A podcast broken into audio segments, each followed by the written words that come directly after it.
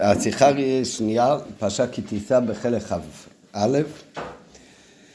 זה על רש"י, שיש שתי רש"י בפרשה שלנו, שעל פניו כשלומדים את זה אה, בפשטות, אז רש"י חוזר על עצמו פעמיים על אותו פירוש ממש. ועל זה הרב מגיע כאן בשיחה להסביר את רש"י, שהשתי רש"י, שזה לא אותו דבר, אלא בכל מקום רש"י בא להסביר משהו אחר. כן? נתחיל מבפנים, כבר נדבר כמה וכמה פעמים. גודל הדיוק בפירוש רש"י על התורה בכלל זה שעל דרך הרוב אין רש"י חוזר על פירושו שתי פעמים. כמו שנראה בתחילת שבוע הבא בפרשת ויקל פיקודי, שכתוב עוד הפעם על מלאכת המשכון, אז כמעט לא יהיה רש"י בשבוע הבא. אז רש"י לבד אומר, כי כבר הסברתי את כל מלאכת המשכן בפרשת תרומה ותצווה. ועל דרך שכתב רש"י בפרשת ויקל בנגיע למשכון, כבר פירש שנדבת המשכון מלאכתו במקום צוואתה. מלבד במקום שבפעם השנייה יש תוספת עניין או ביר וכיוצא בזה. או לפעמים יש מקרים שרש"י אומר עוד הפעם אותו פירוש, כשיש רווח גדול בין פעם אחת שזה מוזכר לבין פעם שנייה. או כשבין שתי הפסוקים מפסיקות כמה וכמה פרשיות, ועל אחת וכמה וכמה כשהם שבשתי חומשים שונים, אז דרכו של רש"י באמת לחזור פירושו בקיצור על כל פנים עוד הפעם. גם כשאין תוספת ביו. כי ייתכן שהתלמיד שלומד כבר לא זוכר את פירושו מפעם הראשונה. אבל כשמדובר במקום קרוב אחד לשני, אפילו בין פרשת תרומה לויקל, שמפרידים סך הכל שתי פרשיות, אומר רש"י שהוא לא מסביר עוד פעם את מלאכת המשכן, כי הוא כבר הסביר בפרשה תרומה במקום צוואתו. אז כל שכן וקל וחומר, כשיש אותו קושי פעמיים באותו פרשה, ויש סך הכל הפרש של כמה פסוקים, אז בוודאי שרש"י לא חוזר על אותו פירוש, פעמיים אלא סומך על זה שהתלמיד זוכר את זה מהפסוק, שהוא, מה, מהפירוש שהוא למד כמה פסוקים קודם. ולכן בפרשה שלנו יש שתי רש"י די קרובים, שמסביר רש"י לכאורה את אותו דבר, זה צריך להבין למה. ולאחר כמה וכמה שבאותו פרשה גופה לא מסתבר ששכח הלומד מה שפירש רש"י כמה פסוקים לפני זה, ואם כן פשיטא שאין רש"י צריך לחזור על פירושו ללא תוספת חידוש וביור. אם רש"י כן אומר עוד הפעם את אותו פירוש, אז כנראה שזה לא אותו דבר, אלא יש בזה תוספת ביור. ועל פי זה צריך להבין בפרשתנו, שמצינו שרש"י חוזר על אותו פירוש שתי פעמים. נקרא עכשיו רגע קודם מבפנים את הפסוקים איך שמופיעים בפרשה שלנו. כתוב בפרשה שלנו בפרק ל"ג בפסוק ב', כתוב שהקדוש ברוך אמר למשה רבינו, שאחרי שמשה רבינו ביקש רחמים לא להשמיד את עם ישראל אחרי חטא העגל, אז אומר הקדוש ברוך הוא למשה רבינו, תעלה עם בני ישראל ואני אעלה אותם לארץ ישראל. מה זה ארץ ישראל? כמה אומות יש שם? ארץ, אה? כמה אומות יש בארץ ישראל? ארץ שבע עממים. כן?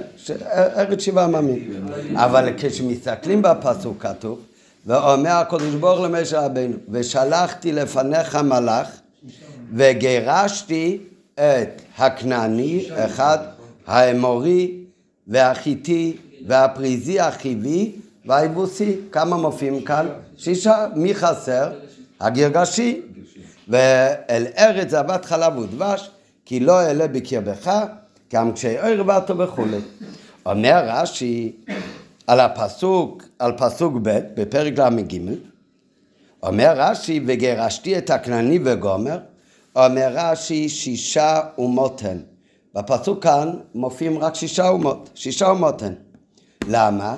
אומר רש"י והגרגשי עמד ופנה מפניהם מאליו. הקדוש ברוך הוא אומר למשה רבנו נשלח מלאכים בני ישראל וככה תצליחו לגרש את העמים אז באמת בני ישראל יצטרכו להילחם ולגרש רק שישה עמים. אי זה ארץ שבעה עמים אז אומר רש"י הגרגשי כשהוא ראה שבני ישראל באים ארז חבילות וברח הוא פנה מעצמו אז לא היו צריכים לגרש אותו. זה מה שאומר רש"י. אבל מה ש... מה ש... מי שגירש אותם, זה לא משה רבינו, איך הוא ציווה עליו כאשר הוא יודע שמשה רבינו? לא, הוא אומר, שלחתי לפניך מלאך וגרשתי קודש ברוך את הכנעני, המרי והחיטי והפריטי, החיבי והיבוסי. לא, בזמן יהושע, נכון. אבל הגרשי עמד ופנה מפניהם אליו.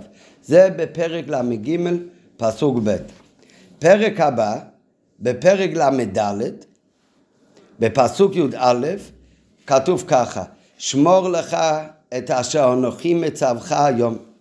הנני גורש מפניך את האמורי והכנעני והחיטי והפריזי והחיבי והיבוסי. עוד הפעם כמה כתוב? רק שישה. עוד הפעם חסר רש"י. מה ההמשך? וכשאתה תגיע לשם, אז אישור מלאכו. פן תכרות ברית ליושב הארץ, אסור לך לכרות ברית לאחד מהגויים, מהאומות האלה, אשר אתה בעליה פן יהיה מוקש בקרבך. וכי את מזבחותם תתצון, ואת מצבותם תשברון, ואת אשר אף תכרותון, כי לא תשחווה לכל אחר וכולי. זה כתוב בפרק ל"ד פסוק י"א. אומר רש"י, והכנעני והחיטי והפריזי והחיבי והיבוסי ואת האמורי וגומר. אומר רש"י, שישה אומות יש כאן. למה שישה אומות יש כאן? אומר רש"י, כי הגרגשי עמד ופנה מפניהם. אותו דבר.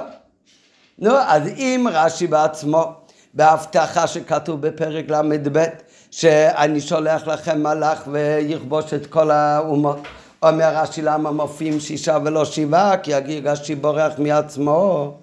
אז למה בפרק אחר כך, כשכתוב ציווי, שאתם תבואו לארץ ישראל, אל תחוטו ברית עם העמים שיש שם, ואת המזבחות שלהם צריך לנתץ, ואת המזבחות שלהם uh, לשבור. אז על זה אומר רש"י, למה מופיעים שם שישה ולא שבעה? עוד פעם, כי הגרגשי עמד ופנה מעצמו. נו, זה הרי אנחנו יודעים כבר מכמה פסוקים קודם. על זה מגיע כל השיחה שאנחנו נלמד עכשיו. נכון, יודע את הנסתרות עד סוף כל הדורות, הוא לא יודע שהגרגשי הזה יפרוש. הפוך, נו, ולכן לא כתוב כאן הגרגשי, כי הוא בכל מקרה לא יהיה שם. מה שאלה, למה הוא פירש את זה פעמיים? כן, אז למה רש"י אומר את אותו פירוש על אותו שלה פעמיים באותו פרשה? כן, הרי אם אנחנו כבר יודעים בפרק ל"ב שאף על פי שזה ארץ שיבה עמומים, אבל כשבני ישראל ייכנסו שם יצטרכו לגרש רק שישה, כי השביעי כבר לא יהיה שם, כי הוא בורח מעצמו, אז למה כשאותו שאלה בכמה פסוקים אחר כך, כשקדוש ברוך הוא אומר לא לכרות ברית עם יושב הארץ, ומה הוא מונה שם? שישה במקום שבעה. אומר רש"י עוד פעם, למה כתוב שישה ולא שבעה? כי השביעי עומד ופונה מאליו.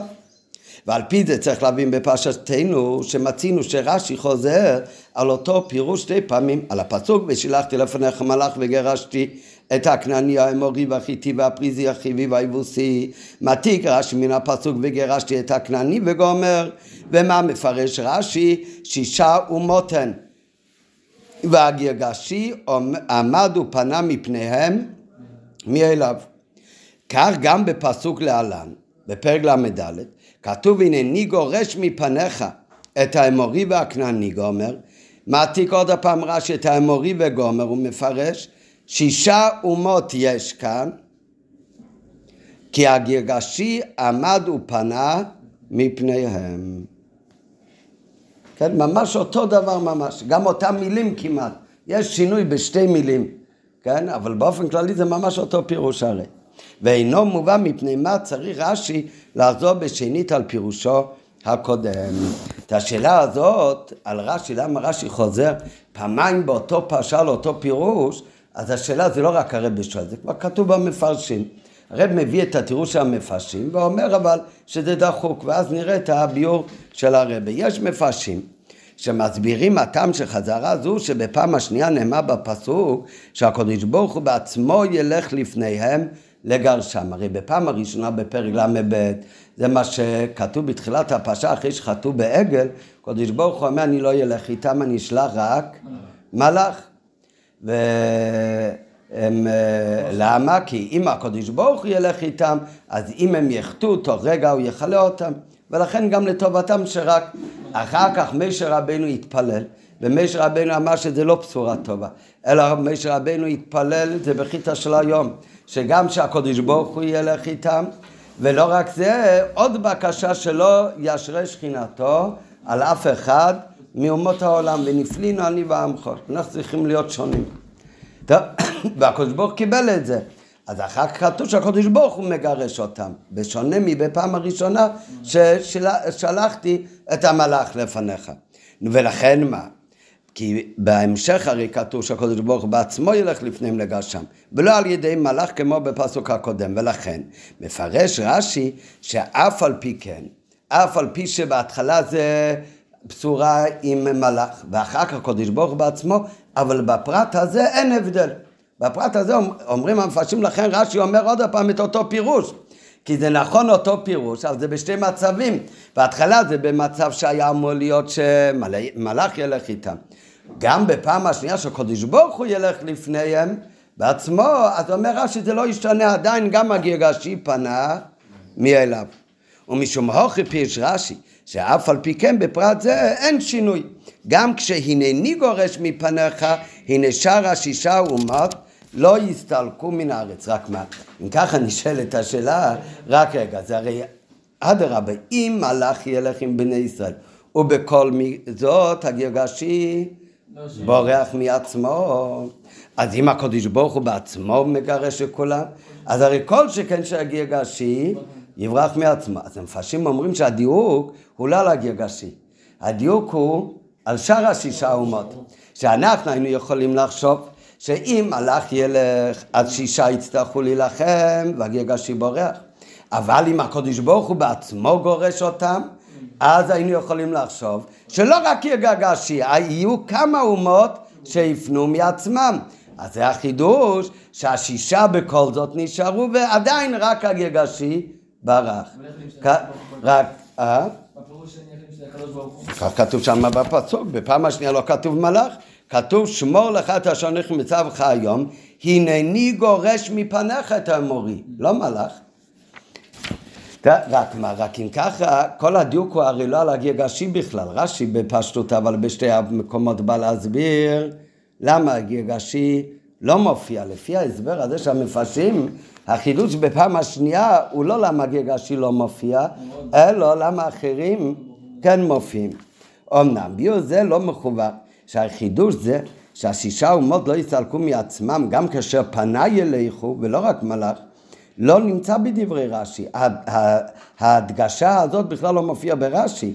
רש"י רק בא ליישב למה הפסוק לא מונה את הגרגשי.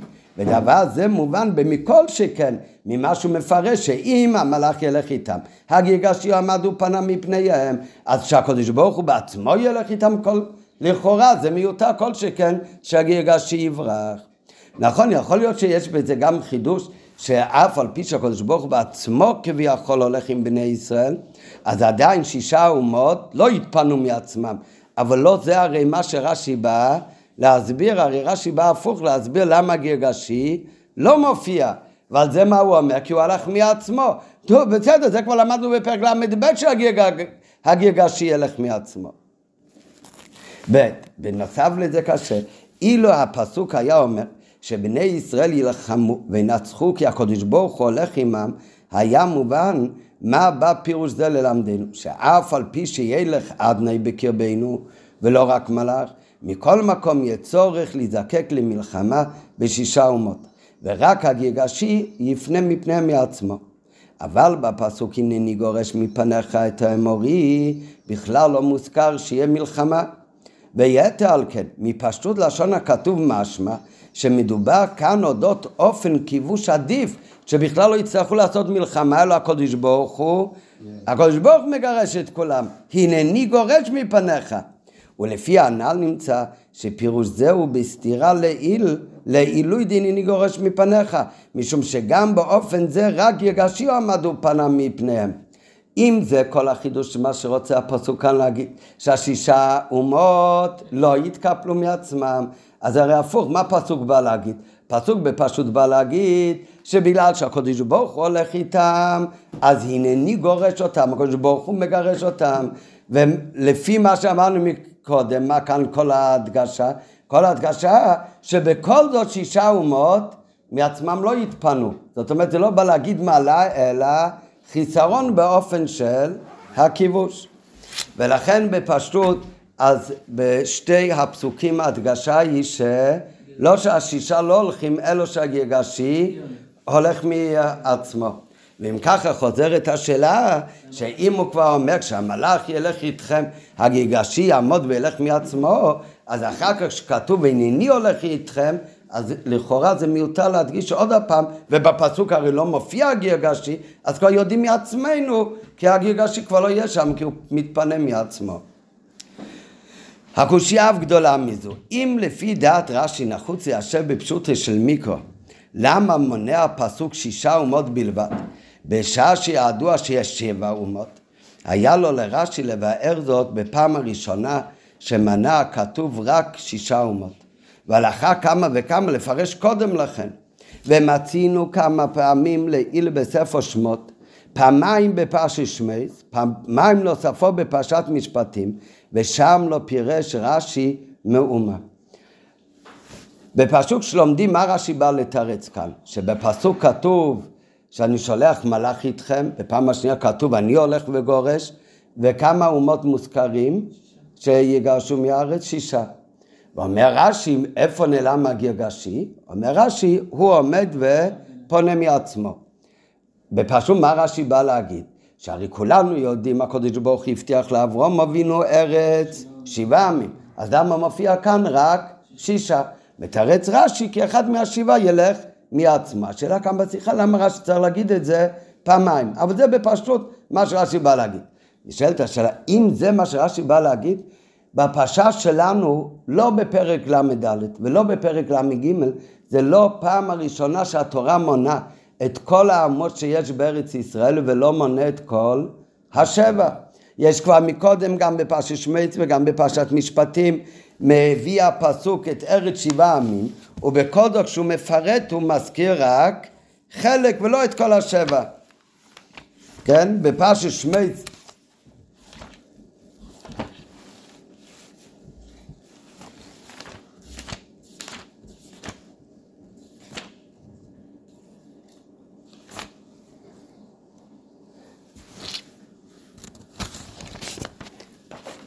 כן, הקדוש ברוך הוא אומר למשה רבינו, ראו ראיתי את אני עמי אשר במצרים, וארד להצילו מיד מצרים, ולהעלותו מן הארץ ההיא אל ארץ טובה ורחבה, לארץ זבת חלב ודבש, אל מקום, מה המשך הפסוק?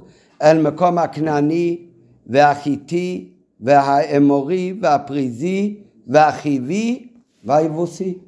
כמה מופיע? שישה. נו, וכאן רש"י לא אומר מילה. רש"י לא אומר, והגיוגושי עמד ופנה מעצמו. כאן לא אומר רש"י כלום.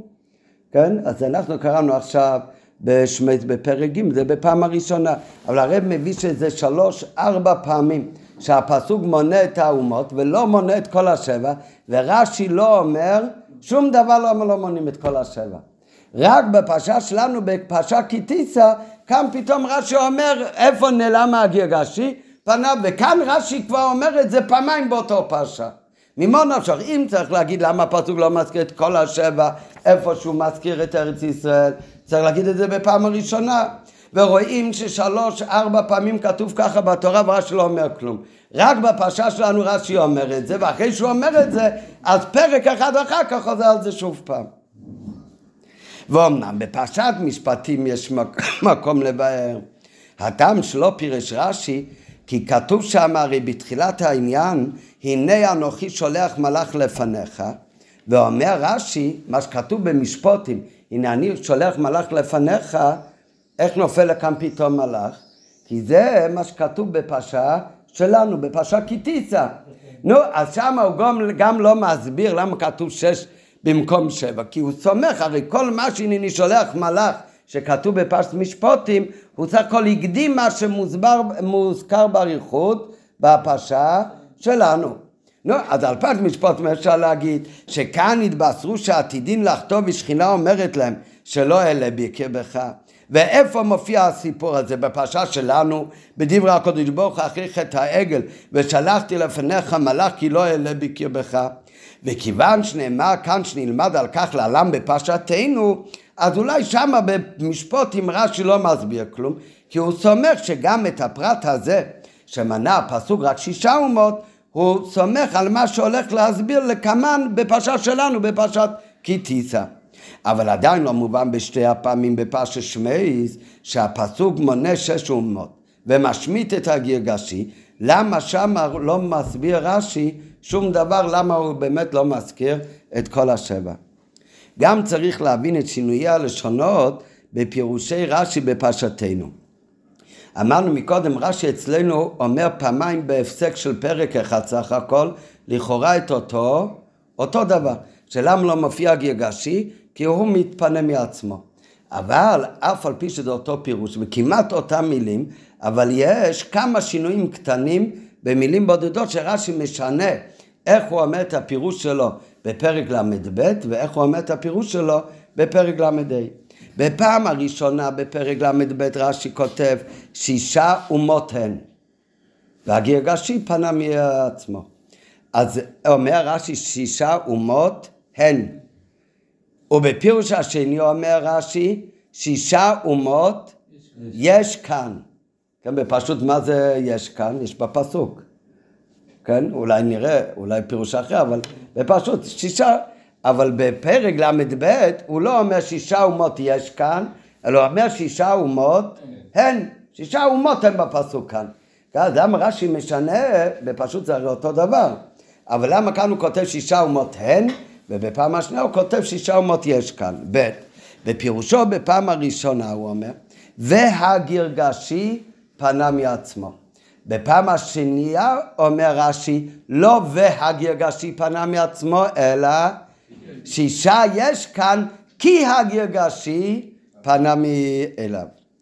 זה עוד שינוי. השינוי השלישי, בפירוש הראשון מסיים רש"י, ש...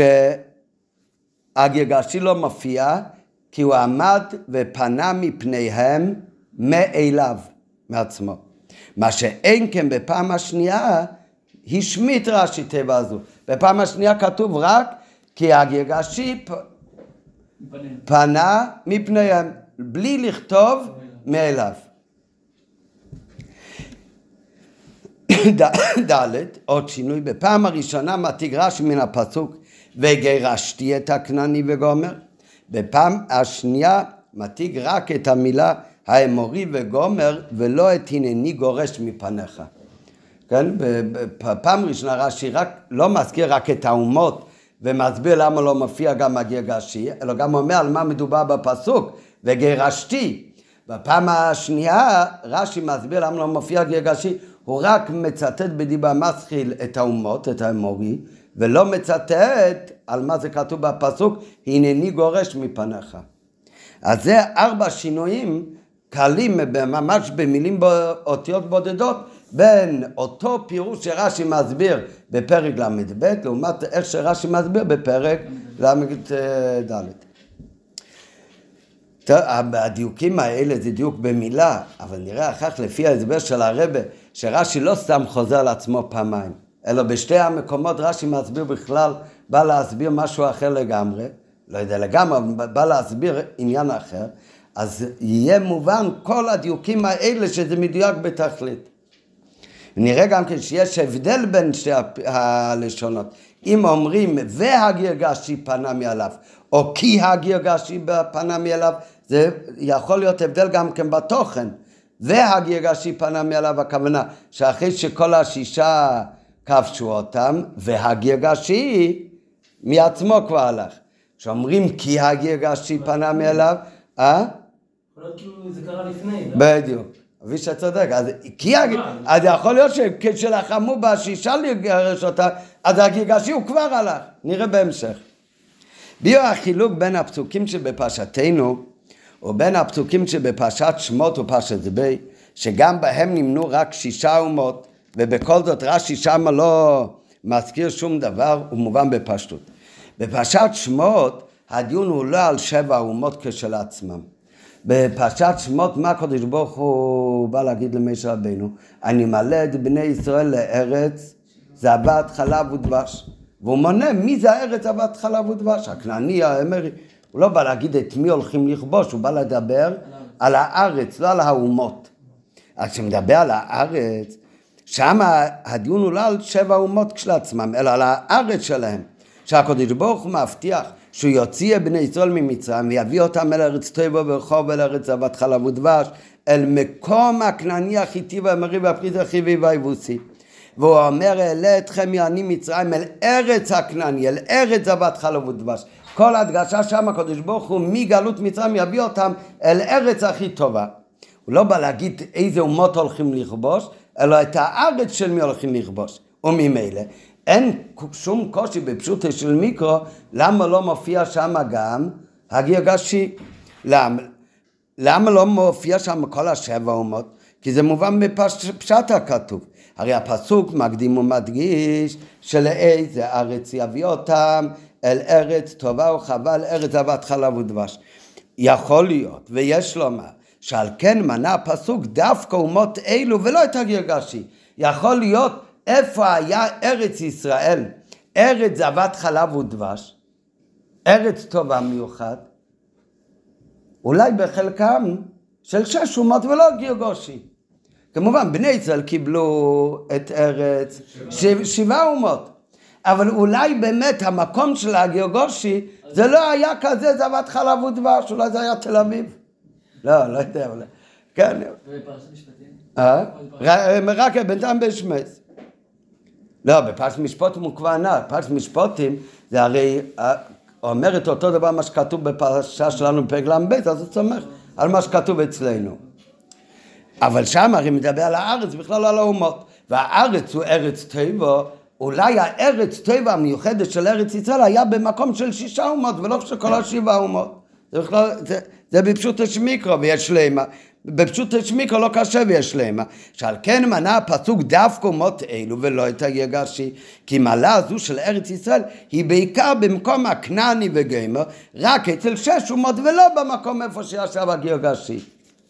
לכן בשמץ רש"י לא, צריך להגיד למה לא מוזכר כל השבע, הרי לא מדברים שם על האומות שהולכים לכבוש בכלל, מדברים על הארץ שהולכים להגיע, ורוצים להגיד כמה הארץ יהיה ארץ טובה, זו וסחול ובודבוש, אז זה היה בעיקר במקום של השיבה עומס, ולא במקום של גירגושים.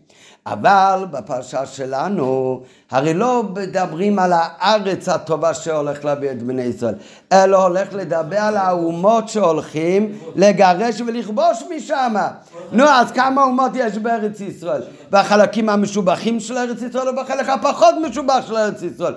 הכל ביחד יש אבל הרי שבע אומות. כאן מתעוררת השאלה, איפה נעלם האומה השביעית? אבל בפרשתנו לא יקרה בארץ האומות. אלא מדובר אודות גירושם ומפלתם של האומות גופה. ושלחתי לפניך מלאך וגירשתי את הכנעני. אותו דבר בפסוק השני שהקדוש ברוך ילך עם עם ישראל ויגרש את האומות.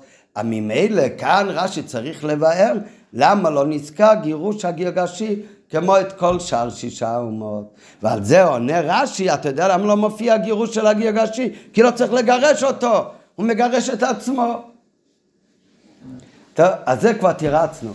נשאר רק קשה לאמרה שצריך להגיד את זה פעמיים, גם בל"ב, גם בל"ד. אמנם. וזה גופה נבדל הפסוק הראשון מהפסוק השני. והחילוק נרמז במילים שרש"י מתיק בדיבה המסחיל. בפסוק הראשון מתיק רש"י את המילים וגירשתי את הכנעני.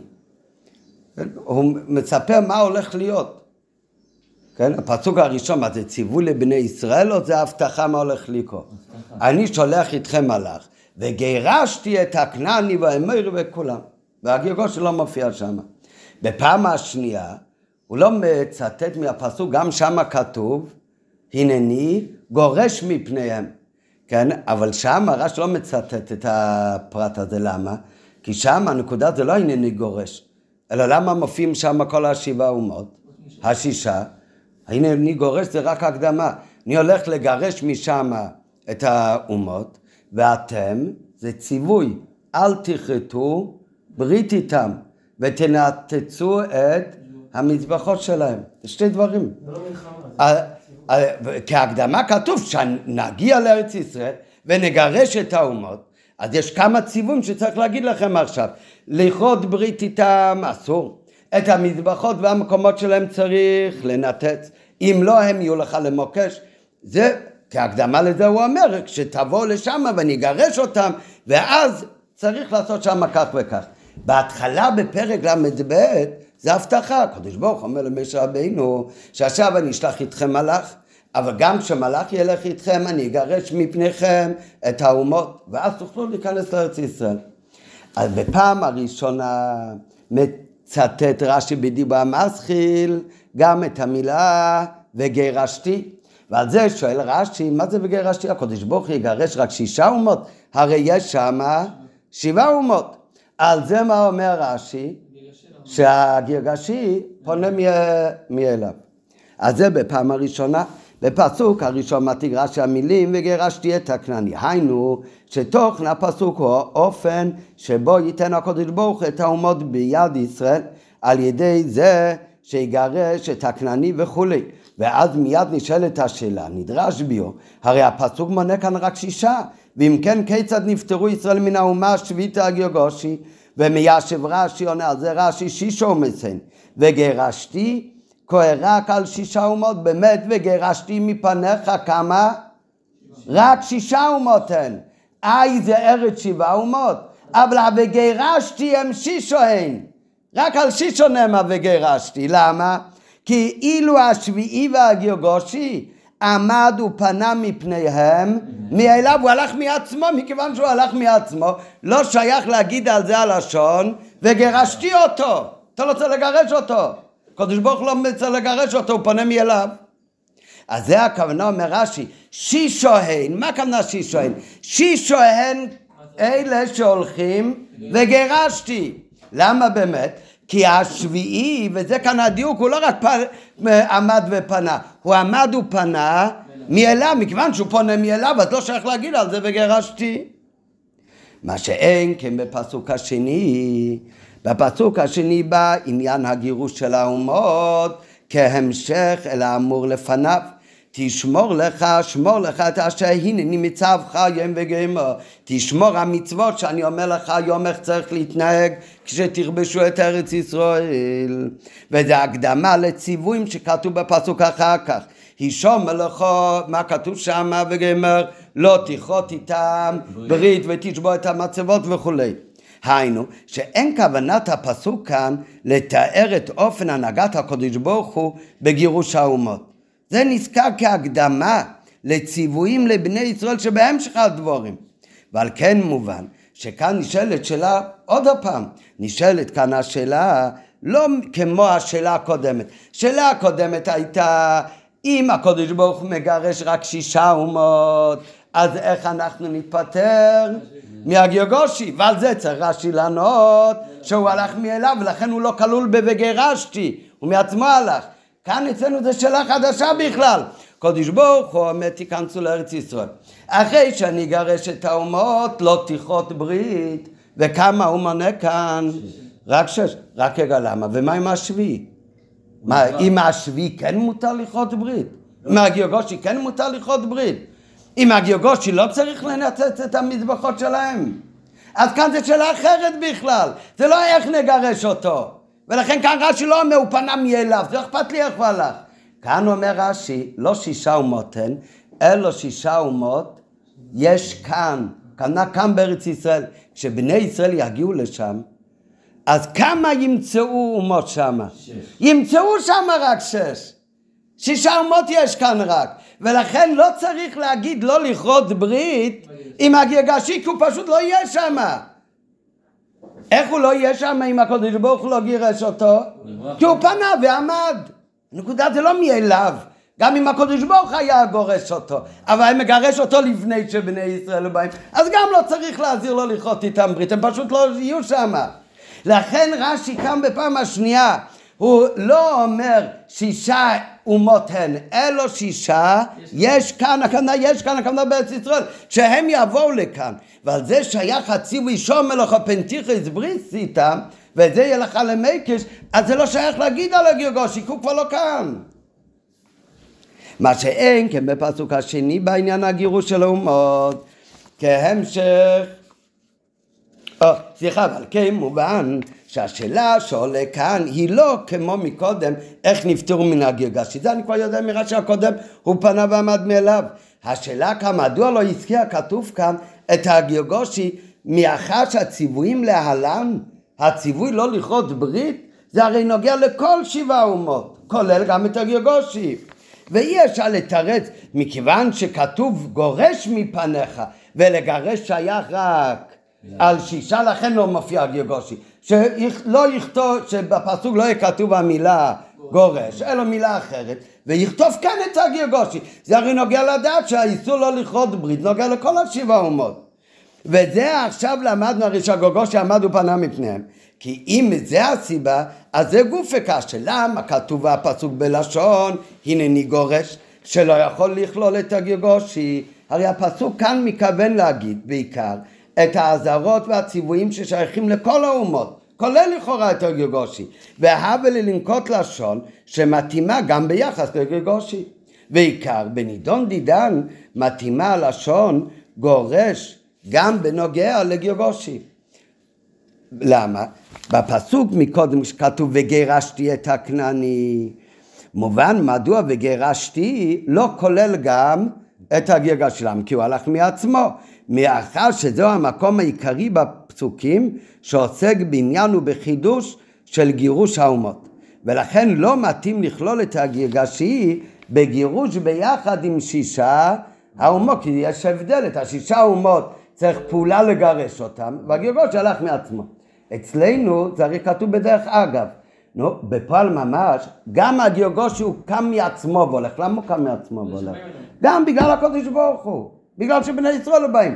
לכן הנני גורש מפניך, זה לא יהיה בסתירה לכלול בזה גם את הגרגשים, משום שהדבר נותן מקום לטעות, שגירוש שמה בפעם הראשונה אם יכלול את הגרגושי, אנחנו נחשוב שגירוש הגרגושי היה באותו אופן על ידי מלחמה וכולי, כמו שאר האומות. מה שאין בפסוק השני, שגירוש האומות נזכר רק בדרך אגב, בתור ההקדמה לכל הציוויים שחייבים להתנהג, איך להתנהג מול האומות שיהיו שם. כאן הרי לא נוגע איך גירשו אותם.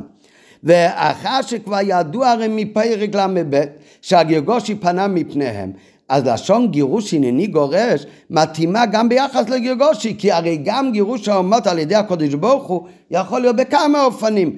חלק אופן אחד על ידי מלחמה, וזה כולל גם באופן שמכניס בהם לדוגמה אימה בפחד עד כדי כך שהם בורחים מעצמם כמו שהיה מגרגושי. ולכן, אז כאן נשאלת השאלה החדשה בכלל, למה כאן לא מופיע הגרגושי, הוא הרי לכאורה גם כלול בציוויים שאנחנו צריכים לדעת איך להתנהג עם כל שבעה ומשינו בארץ ישראל. ולכן כותב רש"י שהטעם שנמנו כאן רק שישה אומות ולא הגרגושי היא כי שישה אומות יש כאן, לא שישה אומות הן, שהקדוש ברוך הוא מגרש. אני כבר יודע שרק שישה צריך לגרש, אחד הולך לבד.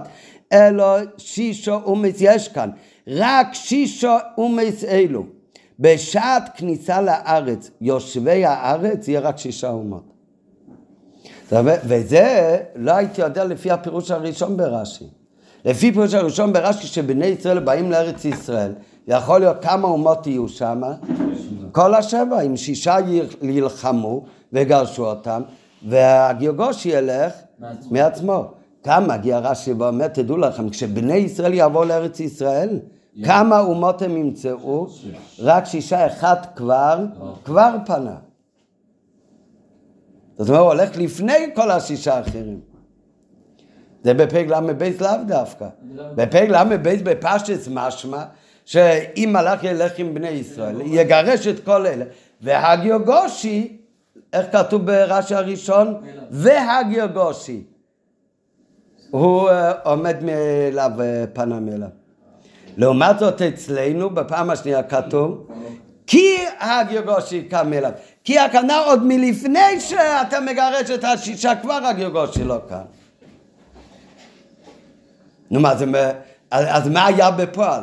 בפועל הגרגשי התפנה מעצמו אחרי שנלחמו בשישה אומות או לפני? מה זה בפרק, מה היה בפרק, בפוסק פרק ל"ב ול"ד זה הכל לפני ספר ישוע, בפועל ממש, ומה קרה באמת? על פי חסידית זה יהיה נפלא ממש, אבל גם זה נכון וגם זה נכון, אבל נראה אחר כך, בגשמות זה לא חייב להיות סתירה, כי יכול להיות שחלק התפנו מההתחלה, ולכן באופן כללי מלכתחילה היה כבר רק שישה אומות כאן, חלק עוד נשארו, וגם הם אחר כך התפנו מעצמם. זאת אומרת, זה לא מחלקת במציא, זה יכול להיות גם וגם. אבל השאלה מה ההדגשה? בפרק ל"ב ההדגשה זה שהקדוש ברוך הוא הולך לגרש, זה פשוט על ידי מלחמה, שישה אומות. והשביעי, הוא יתפנה מעצמו. ואצלנו ההדגשה זה משהו אחר לגמרי. כשבני ישראל יבוא לארץ ישראל, כמה אומות בעיקר ימצאו שם? באופן, באופן כללי ימצאו שם רק שש. ולכן לא מופיע הגיוגושי בנוגע לציוויים שנוגע לא לכרות ברית, כי הם פשוט לא יהיו שם. כי שישו אומץ יש כאן. למה שישו אומץ יש כאן? כי, כי מכיוון שעוד לפני שאתה מגיע, שצריך להזהיר לך כן לכרות ברית, לא לכרות ברית, הוא כבר איננו. אז זה, אז זה רש"י חדש לגמרי, רש"י לא חוזר על עצמו פעמיים. הציוויים האלה זה רק על בתוך ארץ ישראל? או, נראה, נראה. נכון. שאלה טובה. ולכן, כתב רש"י, שהטעם שנמנו כאן רק שישה אומות ולא הגרגשי, כי שישה אומות יש כאן רק שישה אומות אלו היו בשעת הכניסה לארץ, יושבי הארץ. ועל פי זה מובן מדוע הציוויים בהמשך הפרשה. פן תכרות ברית ליושב הארץ אשר אתה בא עליה כד מטבחי סייב תתויצו וגמרו נאמרו רק בשייכות לשישה אומות אלו כי מאחר שבנוגע לגרגשי אין צורך לצוות את ישראל. כי פשוט הוא כבר לא יהיה שם, כי הגרגושי עמד ופנה מפניהם, ומדויק עכשיו גם לשון רש"י, שהוא לא כותב כמו בפעם הראשונה והגרגושי, אלא כי הגרגושי, ולא והגרגושי. כי בנידון דידן זוהי נתינת תם, מפני מה הציוויים אינם נוגעים לגרגושי, כי הוא כבר לא כאן.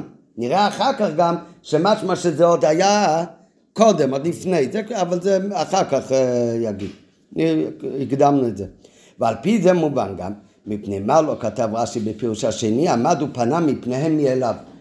בפירוש השני ברש"י, לא אכפת לי איך הוא הלך. העיקר שהוא לא כאן כשבני ישראל באים. בפעם הראשונה שרוצה להדגיש למה וגירשתי כתוב רק על שש, אז כל הנקודה זה כי את הגרגושי לא צריך לגרש, הוא פונה מאליו, זה כל הדיוק. אצלנו כאן זה לא משנה, אני כבר יודע מקודם שהוא פונה מאליו. זה לא הדיוק, הדיוק כאן זה שהוא פשוט לא יהיה כאן. על פי זה מובן גם למה רש"י לא כותב בפירוש השני שעמד ופנה מפני מאליו, כאן לא נוגע אם הדבר היה מאליו או לא, אלא רק עצם העניין שעמד ופנה מפניהם, ועל כן הוא לא כלול ביושבי האורץ בזמן שאתה בו עולה, ולכן הוא לא כלול בכל הציוויים שכתוב. והפירוש רש"י הוא בעצם מדבר אותו דבר, העניין של שישה עמים, כן. ועוד אחד שלא מוזכר, אבל הוא אומר את זה שונה, כאילו הסיבה היא ב... משתנה. בן בדיוק, כי בכל מקום רש"י בא לתרץ שאלה אחרת. לא, אבל הפירוש, הפירוש עצמו זה לא אותו פירוש. יש שינוי בינו, נכון, זה נראה אחר כך. זה כל המהות שלו. כן, אבל הרעיון של הגירגוש שלו היה כמו כל האומות בכניסה לארץ, זה בשתי המקומות. רש"י אומר. אבל בכל מקום רש"י בא לתרץ עניין שונה. ולכן בכל מקום גם הדגשה היא שונה. ויכול להיות שיש אפילו נפקא מיני מה היה קודם, כמו שנראה אחר כך. ולכן בפעם הראשונה מה שרש"י בא לתרץ זה כשהקדוש ברוך הוא אומר וגירשתי אותם מפניך אז כתוב רק שש אז איך נתפטר מהגרגושי? אז רש"י צריך להגיד שהוא מתפנה מעצמו. הוא יתפנה מעצמו. בפעם השנייה זה שאלה אחרת לגמרי. בכל הציוויים שכתוב בפרשה, למה כתוב רק שישה ולא כתוב גם הגרגושי? אז על זה אומר רש"י, כי הוא פשוט כבר לא שמה. ובשתי המקומות רש"י בא להגיד משהו אחר. רק בשם זה, בגלל שהגרגושי היה שונה משאר האומות בזמן הכיבוש. מן העניינים ה- ל- בנוגע להלכה שאפשר ללמוד מפירוש רש"י זה. אז בפנים השיחה, רב מדבר בעיקר בגיאוגושי אם הוא כן יחזור לארץ. אבל באור זה רב מביא גם בנוגע למה שאבישי אומר, אם האיסור לכרות ברית עם השבעה אומות, זה רק בארץ או גם, גם אם הם אה, נמצאים במקום אחר. אבל בפשטות, זה, זה מוזכר בערב, בפשטות האיסור זה לכרות איתם ברית בתוך הארץ. רק מה, עדיין יכול להיות שיבוא יום אחד שהגיע השיעי יחזור לארץ. עכשיו, אז זה שאלה. מה אם יש איסור לכרות ברית עם השישה, כמה מופיעים באיסור לכרות ברית? מופיעים רק שישה. עם השישה אומות האלה בארץ ישראל אסור לכרות איתם ברית. מה יהיה אם מחר יבוא הגגשי יחזור ויהיה כאן? מותר לך לכרות איתו ברית או לא? לא. כן? אז בלי רש"י, אז אנחנו אומרים בפשטות? איתו מותר לכרות ברית. הרי הפסוק שהוא מונה מי לא לכרות ברית, אז מה הוא מונה? הוא מונה רק שישה. מה אומר רש"י? למה הוא מונה רק שישה? כי לא. כי הדיוגושי הוא פשוט לא כאן. זאת אומרת, אם הוא היה כאן, אז גם הוא היה כלול באיסור. זה שהוא לא מוזכר, זה פשוט כי בפלא ממש נכנסו, הוא לא היה כאן.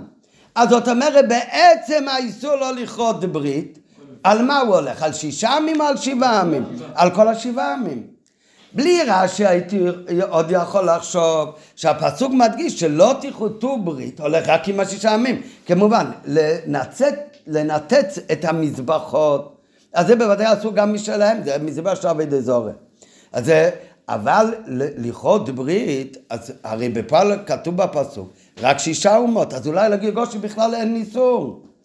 רש"י אומר, אבל אתה יודע למה גירגושי לא מופיע בפסוק? לא מכיוון שהוא שונה מכל שיבה או ואולי הוא פחות נורא, ולכן עליו לא חל האיסור לא לכרות ברית. רש"י אומר, זה שהגירגושי לא מופיע כאן בפסוק, כי הוא בפועל ממש, בזמן כניסת הארץ הוא פשוט לא היה מיושבי הארץ. אבל לו כן היה מיושבי הארץ, אז גם הוא יהיה כלול באיסור, ואז התורה הייתה כותבת גם גירגושי, רק זה לא היה ככה. נו, אז מה יהיה כשיבוא זמן שיהיה הגירגושי? אז גם עליו חל האיסור.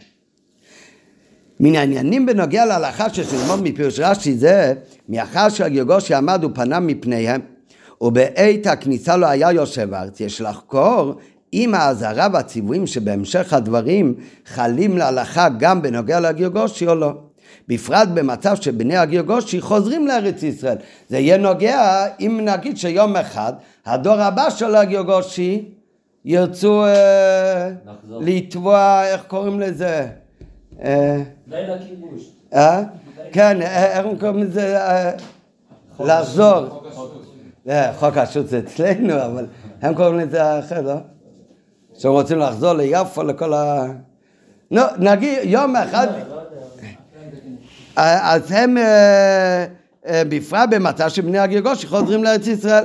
הא- האם זמן הכניסה לארץ מכריע? אם מה שמכריע בציוויים והאזהרות האלה בפרשה שלנו, מה שקובע זה הזמן של הכניסה לארץ, וכיוון שבאותו שעה לא היה יושב הארץ, אז לגביו מלכתחילה לא חלה אזהרה, ולכן איתם אולי יהיה מותר לכרות ברית, או שכיוון שבשעת אמירת הציווי היה יושב הארץ, בזמן הציווי הרי כן, בפרשה שלנו, בכיסיס, עוד לפני שהגיעו לארץ ישראל, אז הוא היה יושב הארץ. אז הציווי חל גם לגביו, ובפרט אם הוא יחזור לארץ, ועל בני ישראל לשמור את כל האזהרות הנ"ל גם לגביו. אז זה חקירה, יש, צד אה, לחשוב ככה, יש צד לחשוב ככה. אבל אם אנחנו לומדים אבל רש"י, ואנחנו רואים כשרש"י מסביר למה הפסוק שלנו משמיט את הגירגושי, אומר רש"י, שישה אומות יש כאן, כי הגירגשי עמד ופנה מפניהם. מה משמע? שבעצם האיסור חל גם על הגירגושי. וזה שהוא לא מופיע, אומר רש"י, זה רק כי הוא לא כאן עכשיו, לכן התורה לא מזכירה אותו. אז משמע שמה שהציווי נאמר רק בנוגע לשישה אומות, הוא כי לפי שבפועל היו שם באותו זמן רק הם. כשייכנסו לארץ. יש, יש כאן רק שישה, כי הגירגושי עמד ופנה מפניהם. אבל בעצם העניין, מה אתה מבין מרש"י? חל החיוב גם בנוגע לגירגושי. וכן בפרט, לפי שבשעת הציווי היה גם הוא יושב בארץ, ממילא לא בטל הדבר גם לאחרי זה, ולכן גם הם כלולים באיסור לא לכרות איתם ברית. ועל פי זה מובן. לפי זה גם מובן, כשאנחנו מסתכלים בחומיש דבורים, במשנה תורה, כתוב ונתנם השם אלוקיך לפניך והכיתם אחריהם תחרים מאותם. לא תכרות להם ברית לא תחנם ולא תתחתם בם. מזבחותם תתייצו שמה מופיע את כל האומות כולל הגיוגושי.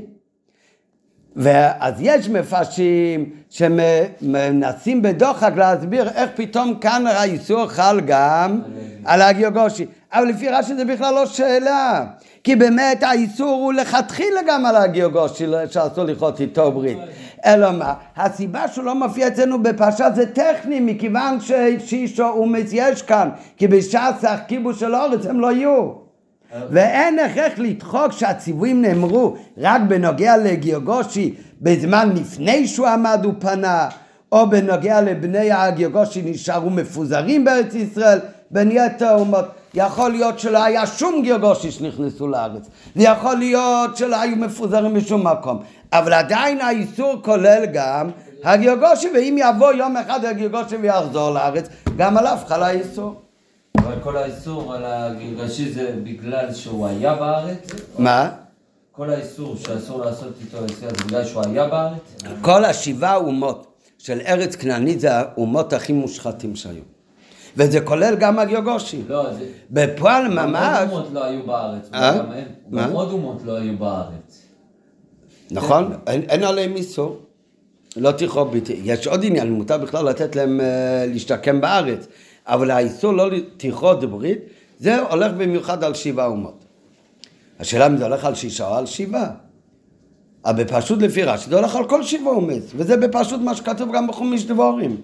בפרשה שלנו לא מוזכר גיוגושי, פשוט מאוד, כי כי- כש... מה כתוב אצלנו? הישום לחוק שתיכנסו לארץ, לא לכרות איתם ברית. לא מזכירים אותו כי הוא לא יהיה שם. אבל לא שאין עליו האיסור. אם הוא יהיה שם, אז גם הוא כלול באיסור. ואם הדור הבא י- ישובו לשם, אז גם איתם אסור לכרות ברית. חזקה וטענה. אה? חזקה על המקום, וטענה ש... ש?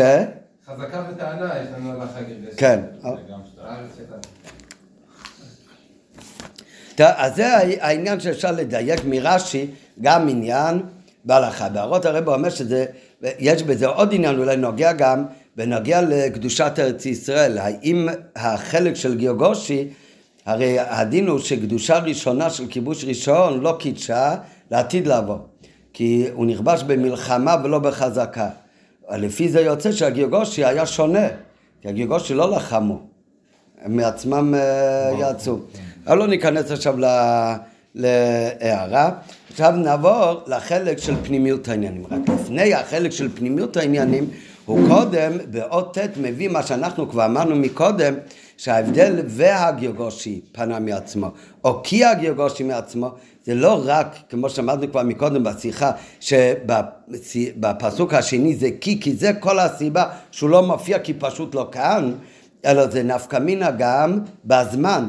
שכשאומרים והגיאוגושי פנה מעצמו, אז משמע ששישה אומות מגרשים במלחמה, והגיאוגושי, ואז הגיאוגושי גם פונה מעצמו. לעומת זאת, כשאומרים ששישה אומות יש כאן בארץ ישראל, לא כשמגרשים אותם, כשנכנסים לארץ, שישו אומץ יש כאן, כי הגיאוגושי פנה מאליו, משמע שהוא פונה עוד לפני שמגרשים את כל השש. אז זה כתוב עכשיו באות ט', אנחנו הזכרנו את זה כבר מקודם. והרב אומר גם בניגלס זה לא סותר, כי יכול להיות, זה לא סתירה בין שתי רש"י, כי יכול להיות שאת, הם, אה, יהיה מלחמה נגד כולם, ואז מי שעוד נשאר מהגירגושי יברח מעצמו, אבל רוב הגירגושי כבר, אה, כבר פנה ועמד מאליו מההתחלה.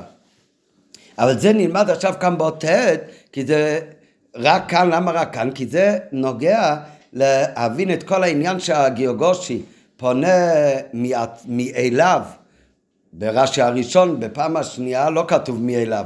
שזה שתי דרכים בעבודת השם, בעניין הפנימי של הגיאוגושי, ובזה תלוי מה קורה קודם. מהיינות של תרא, נראה בפנים, בפירוש רש"י בהקדם, שהלשונות בפירוש רש"י והגיאוגושי עמדו פנה מפניהם מאליו, וכי הגיאוגושי עמדו פנה מפניהם, עוסקים לכאורה שתי זמנים שונים. לפי הפירוש הראשון שישה אומות הן, והגיאוגושי בו"ב המוסיף עמדו פנה מפניהם משמע שגירש טיפל על שישה אומות. הוא מוסיף בו"ב ולאחרי זה, כשהגיע זמנו של הגיאוגושי, אחרי המלחמה נגד שישה אומות, הנה הגיאוגושי עמד כולי והלך מאליו. ואילו בלשון כי הגיאוגושי עמד ופנה מפניהם מודגש, שהיה זה קודם הנני גורש מפניך. וכפשוט הלשון, שישה אומות יש כאן, שיכנסו לארץ ישראל, כמה אומות ימצאו כאן? שישה. שישה, למה? כי הגיאוגושי עמד ופנה מפניהם, כי הוא כבר לא כאן. ואינו בכלל הנני גורש מפניך. ובפשטות כך היה סדר המאורעות בפועל, שקודם כניסה בני ישראל לארץ ישראל, ועוד קודם המלחמות עם האומות, הנה כבר הגיאוגושי עמד ופנה. ויש לומר שזה לא מחלוקת במציאות. יכול להיות רובו דגיאוגושי נפנו והלכו בתחילה. מה הכוונה בתחילה? עוד לפני שבני ישראל בכלל התחילו ללחום, אה, הגיעו לארץ ישראל. לא משנה מתי בעצם. אה? אנחנו לא יודעים אה, באמת מתי. זה כן. או לפני או אחרי או באמצע. נכון, אבל מהלשון כי כשאומרים שישה אומות יש כאן כשבאים לארץ, ולמה יש כאן רק שישה אומות? כי הגיגושי פנה. זאת אומרת, כשהם הגיעו, הוא כבר לא היה כאן, מפחד. אז זאת אומרת, הוא התפנה לפני, וכך היה רובו של הגיגושי. הם נפנו והלכו בתחילה. מיעוטו שהתערב בשאר השישה אומות, הוא פנה לאחר מכן, ואין כאן מקומו. כך שזה לא סותר, זה גם... זה הכל הקדמה רק בשביל ההסבר על פי פנימיות העניינים. והביאו בזה בפנימיות העניינים. הרי אנחנו יודעים שכיבוש ארץ כנען יש גם בעבודת השם, כל יהודי צריך לכבוש את ארץ הכנען, מה זה השבע אומות? זה השבע מידות שלו. לעתיד לבוא יהיה ארץ עשר עממים, כי לעתיד לבוא יכבשו גם את כסו חוכמה בינה. אבל עכשיו זה הכיבוש של המידות, צריך לכבוש את המידות. לא, מה זה המידות? יש שבע מידות, אז זה שבע אומות. אבל יש אחד שהוא שונה מהשבע מידות, שזה הגיאוגושי. מה זה הגיאוגושי? איזה מידה בקליפה? זה המלכוס שבקליפה. כן. מה זה, אז, מה זה המלכוס שבקליפה? המלכוס שבקליפה, מה זה חסד שבקליפה? עוול, אהבות זרות, כן? וצריך לגרש אותם. ובמקום זה להושיב שם בני ישראל, במקום עוול לקליפה, לאומה זה צריך להיות אהבת השם. אהבת ישראל טוב, אהבת נכון. הנה, לטל יש אהבת ישראל. כן, אז זה, זה, זה, זה, אחר כך יש, כך יש את כל השבע אומות, זה שבע מידות. מה זה המלכוס? המלכוס, הרי כתוב כמו בקדוש של מלכוס, זה הספירה האחרונה לט למגמה, כלום, היא רק מקבלת מכל המידות. נו, מה היא עושה אם היא מקבלת מכל המידות? הכתוב, המלכוס במידות רעות זה לבושי הנפש, מחשבה, דיבור ומעשה. יש את המידות שבנפש, זה חסד, גבורת, תפארת, מלכות זה גם מהמידות, אבל עיקרו של המלכות זה לפעול על הלבושי הנפש, על הלבושים של מחשוב ודיבור ומעשה. אז על זה אומרים, צריך לגרש, צריך ללחום נגד כל המידות רעות. מה קורה אחרי שמגרשים את כל המידות רעות? מלכות מעלה. אז מה קורה עם המלכוס? מה קורה עם הגיאוגושי? הוא פונה מאליו. הולך. אם כבר אין מידות רעות, אם כבר גירש כל המידות רעות, אז הלבושי הנפש שמחשוב ודיבו ומייסה, אוטומטי יהיו בסדר. אתה לא צריך לגרש ממחשבות דיבור ומעשה רעים. הם כבר לא יהיו כאן. כן, מאיפה יש מחשבות רעות? בגלל שיש מידות רעות. אבל ברגע שאת כל השישה אומות נלחמים ומגרשים אותם לגמרי, אז הגיאוגושי, המלכוס, שהוא, אז הוא כבר מעצמו מתבטל. אז הוא עומד, הוא פונה מאליו. זה הרש"י הראשון. זה כשאנחנו מדברים, זה כשאנחנו מדברים בזיכוך הנפש, בבירור המידס מהו הסדר? כשאנחנו מדברים בבירור המידות, מבררים את השישה מידות, ואז המלכות הוא מתברר כבר בדרך ממילא. בדרך ממילא, מה זה כמו שצריך להיות. זה כשאנחנו מדברים בפסוק הראשון. פסוק הראשון מדבר איך לגרש, לכבוש את הארץ, את המידות. מה מדובר בפסוק השני? אזהרות וציוויים. כשמגיע לאזהרות וציוויים, לק, לקיים תר ומצווה, במה אתה צריך מתחיל? ולגרש את המידות רעות או, לא, או צריך להתחיל במחשוב ודיבור ומעשה? צריך להתחיל במחשוב ודיבור ומעשה. אפילו הבינוני אומר, אל תראה ברי ביתניה, שהמידות שלו עוד לא התהפכו לטייב. ובכל זאת, מה שנוגע למחשוב ודיבור ומעשה המלכות, צריך להיות מושלם. אז מה צריך להיות קודם? אז קודם הגיוגושי מתפנה. צריך קודם לפעול שהמחשוב ודיבור ומעשה יהיה בתכלית השלמות, ורק אחר כך אתה מתחיל להילחם ולכבוש את המידות. זה כשמדברים על ציוויים, על מעשה בפעל. והביאו בזה בפנימיס העניונים. ידוע ששבע אומות הכנעניות המרי זה שבע מידות רעות, שם זה לעומת זה של שבע מידות קדושה. הכנעני זה חסד קליפה, החיטי זה גבורה וכולי. והנה כיבוש שבע ומסו הכיבוש והבירור של שבע מידות רעות שכל אומה פרטית היא מידה מנגדת למידה של אומתה בקדושה.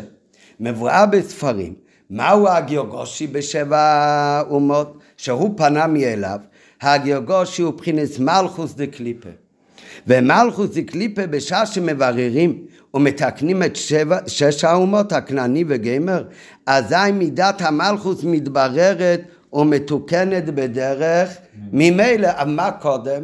בסדר הזה קודם זה לברר את השש מידות, ואז הוא מתברר בדרך מילא. ולכן ברש"י הראשון כתוב, והגירגושי עמד ופנה מאליו, זה, זה בדרך ממילא. לפי שהמלכוס היא בחינס נוקווה, היא נוקווה דקליפה.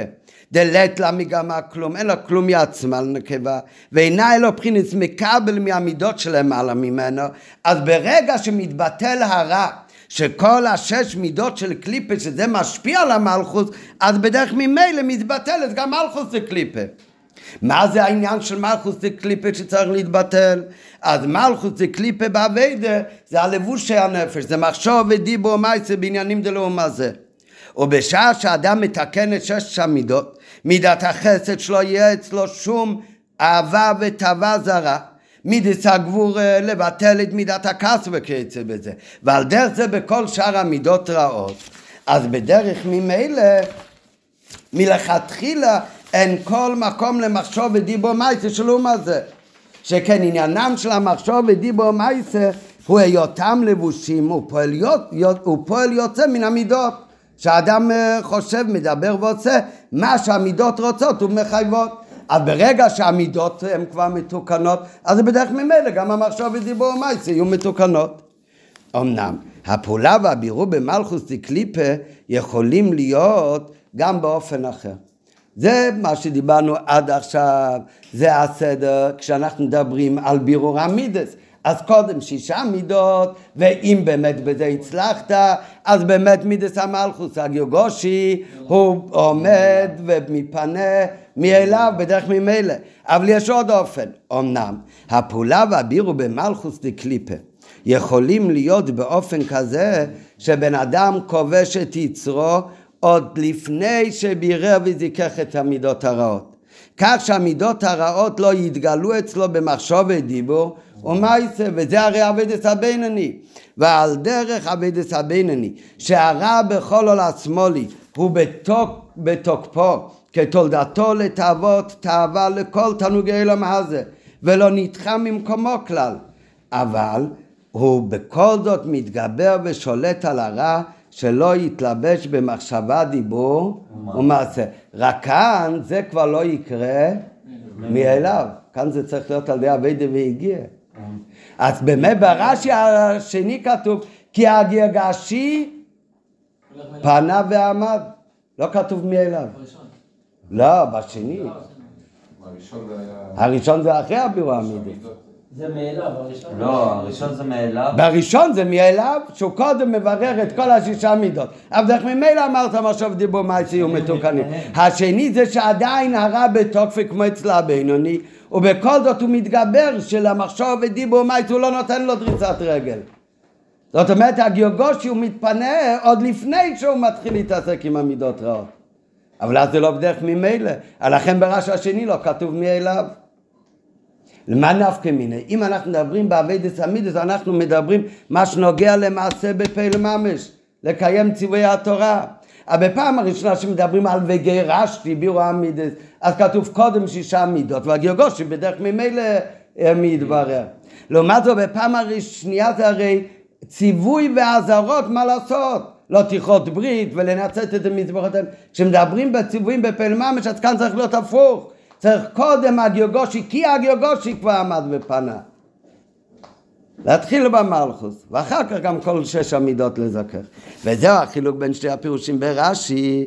בפירוש הראשון מדובר אודות סדר מסודר. בכניסה לארץ ישראל כיבוש ובירור, כיבוש ובירור של שבע אומות המידות רעות. והסדר בזהו וגירשתי את הכנעני, היינו שיש לגרש ולברר את שש. שש האומות שזה שש המידות, ואזי הגירשי עומד ופונה מפניהם מאליו, שבחינת המלכוס, המחשוב ודיבור מייס שבהם מסלבשים השישה מידות הרעות, בטלה בדרך ממילא מאליו. אבל בפסוק השני לא כהה בסדר הכניסה לארץ ישראל, היינו כיבוש ובירור של שבע אומות המידות, אלא מדובר בשייכות לציוויים ואזהרות לישראל. העבודה של תר ומצווה צריך להיות לכל ראש המעשה אשר יעשון ואת המעשה אשר לא תעשנה. כיצד צריך להיות המשאבה, דיבור ומעשה של האדם, זה הדבר הראשון שצריך לטפל. ולכן אי אפשר לומר כאן שהגרגשי עמד ופנה מפניהם מאליו. שהרי שישו, וזה דיוק לשון ברש"י, שישו אומייס, לא שישו אומייס הן, ותברר אותם אוטומטי, שישו אומייס יש כאן, עדיין יש את כל השישה מידות רעות בתוקפו. הרע של שש מידס קליפה בתוקפי ובגבורוסי בכל עול עצמוני כלדלדייסי. אלא מה? בכל זאת הגרגשי עמד ופנה מפניהם. דהיינו שעבודתו היא באופן שהלבושים, מחשוב ודיבור מייסה מסולקים ומנותקים מן המידות הרעות ולא מקשיבים להם. וגם זה, איך זה קורה? זה גם כי הקדוש ברוך הוא מגרש אותם. כי גם זה שהבינוני, אפילו שהרע בליבו במידות עדיין בתוקפו, איך הוא יכול להתגבר כל פעם? שכל מה שנוגע ללבוש מחשוב ודיבור ומייסה לא יוכל אף פעם לנצח אותנו אפשר באמיץ. זה מפני ער השם שמאיר בבחינת חוכמה שבנפש. שגם זהו מצד יתרון ושליטה של בחינת החוכמה שבנפש אלוקית שבמוח, שממנו נתינת הכוח לדחות את הסכלות של הקליפה וסתרי אחרת שבכל על השמאלי, כמבואה בארוחה בתניא לגבי אבידס הבינוני. האמת שבתניא יש כמה וכמה הסברים איך יכול להיות, הרי את הצדיק זה לא בעיה, כי כבר אין לו רע.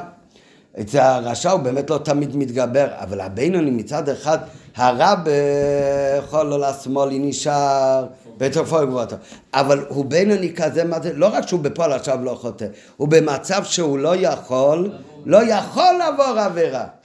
איך זה יכול להיות? איך זה יכול, הרי בפנים זה מלחמה עדיין בתוקפוי. אז יש בתניא, בפרקים שהוא מתחיל לדבר על הבינוני, עד אחרי שהוא מדבר את כל ההתבוננות בעניין המסירת נפש, יש כמה וכמה, כתוב מח שליט על הלב, כתוב זה נעשה על ידי בזמן התפילה מעורר אהבת השם ונשאר רושם משך היום, כמה וכמה ביום, וכל אחד מוסיף עוד נקודה וזה כמה סוגים שונים של בינוני, אבל זה בעזרת השם שנעשה שיעור בתניא. עכשיו נמשיך כאן, וכיוון ששישה אומות יש כאן, צריך להתקיים שמור לך ולכן איך מתחיל הפסוק בפעם השנייה? ולכן נאמר על כך. ולכן נאמר על כך, עמד ופנה מפניהם. מפני מה הוא פנה? מפני ער הוויה שמאיר בו. שנדחה מפני ער קדושת נפש של הכיס. כן, אמרתי כבר את זה הרבה פעמים, שבתניא לא כתוב במפורש כמעט על הבינוני שהוא פשוט בקבולת אל, במשוב ודיבור מייצר עושה רק מה שצריך. כן? ככה ב- כמה פרקים בתניא אריכות הביור של התבוננות ויש אה ובאיסגלוס ליבי או בתלומס ליבי זה הכל מיותר לגמרי. זה בכלל אין, אין כזה בינוני בפשטות בתניא. יש גם הערה שכותב את זה שעיקר הנה בתניא הבינוני שמדובר בתניא זה לא בינוני בקבלת עול. זה בינוני שהוא באמת הוא אף על פי שמצד אחד הרע בתוקפו, אבל עדיין הוא עובד את השם בלבוש הנפש בשלימות, במחשוב ודיבור מייצר במאה אחוז, זה לא בקבלת עול, אלא זה באמת בגלל שמח שולט על הלב אצלו. שולט על הלב, הרי יש שני פירושים, מה זה מוח שליט על הלב? פירוש אחד מוח שליט על הלב, הלב רוצה א', ואתה אומר לו תעשה הפוך, כן? אז זה שולט מאוד חיצוני, מקל. הפירוש האמיתי בתנו מה זה מוח שליט על הלב, שעל ידי התבוננות הוא שולט על רגש הלב. שאף על פי שמצד אחד בלב הוא כמו הרשע, הרע בתוקפי, אבל הוא שלט על הלב שהלב לא ירצה עכשיו לעשות עבירה. כן. הוא הופך אותו, זה כבר בצדיק. וזה גופה, יש כמה אופנים איך זה קורה אצל הבינוני, אבל אמרתי מקודם, זה אין כאן מקיימי. וכיוון ששישה אומות יש כאן, אז צריך להתקיים שמור לך. שמירה, כך מתחיל הרי הפסוק, ששמור לך שתבוא לשמה ולא תכרוא ברית וכולי. מכיוון ששישה אומות יש כאן, צריך להתקיים שמור לך שמירה מיוחדת שלא יפעלו אצלו במידה השביעית בלבושי הנפש ואיברי הגוף כנ"ל.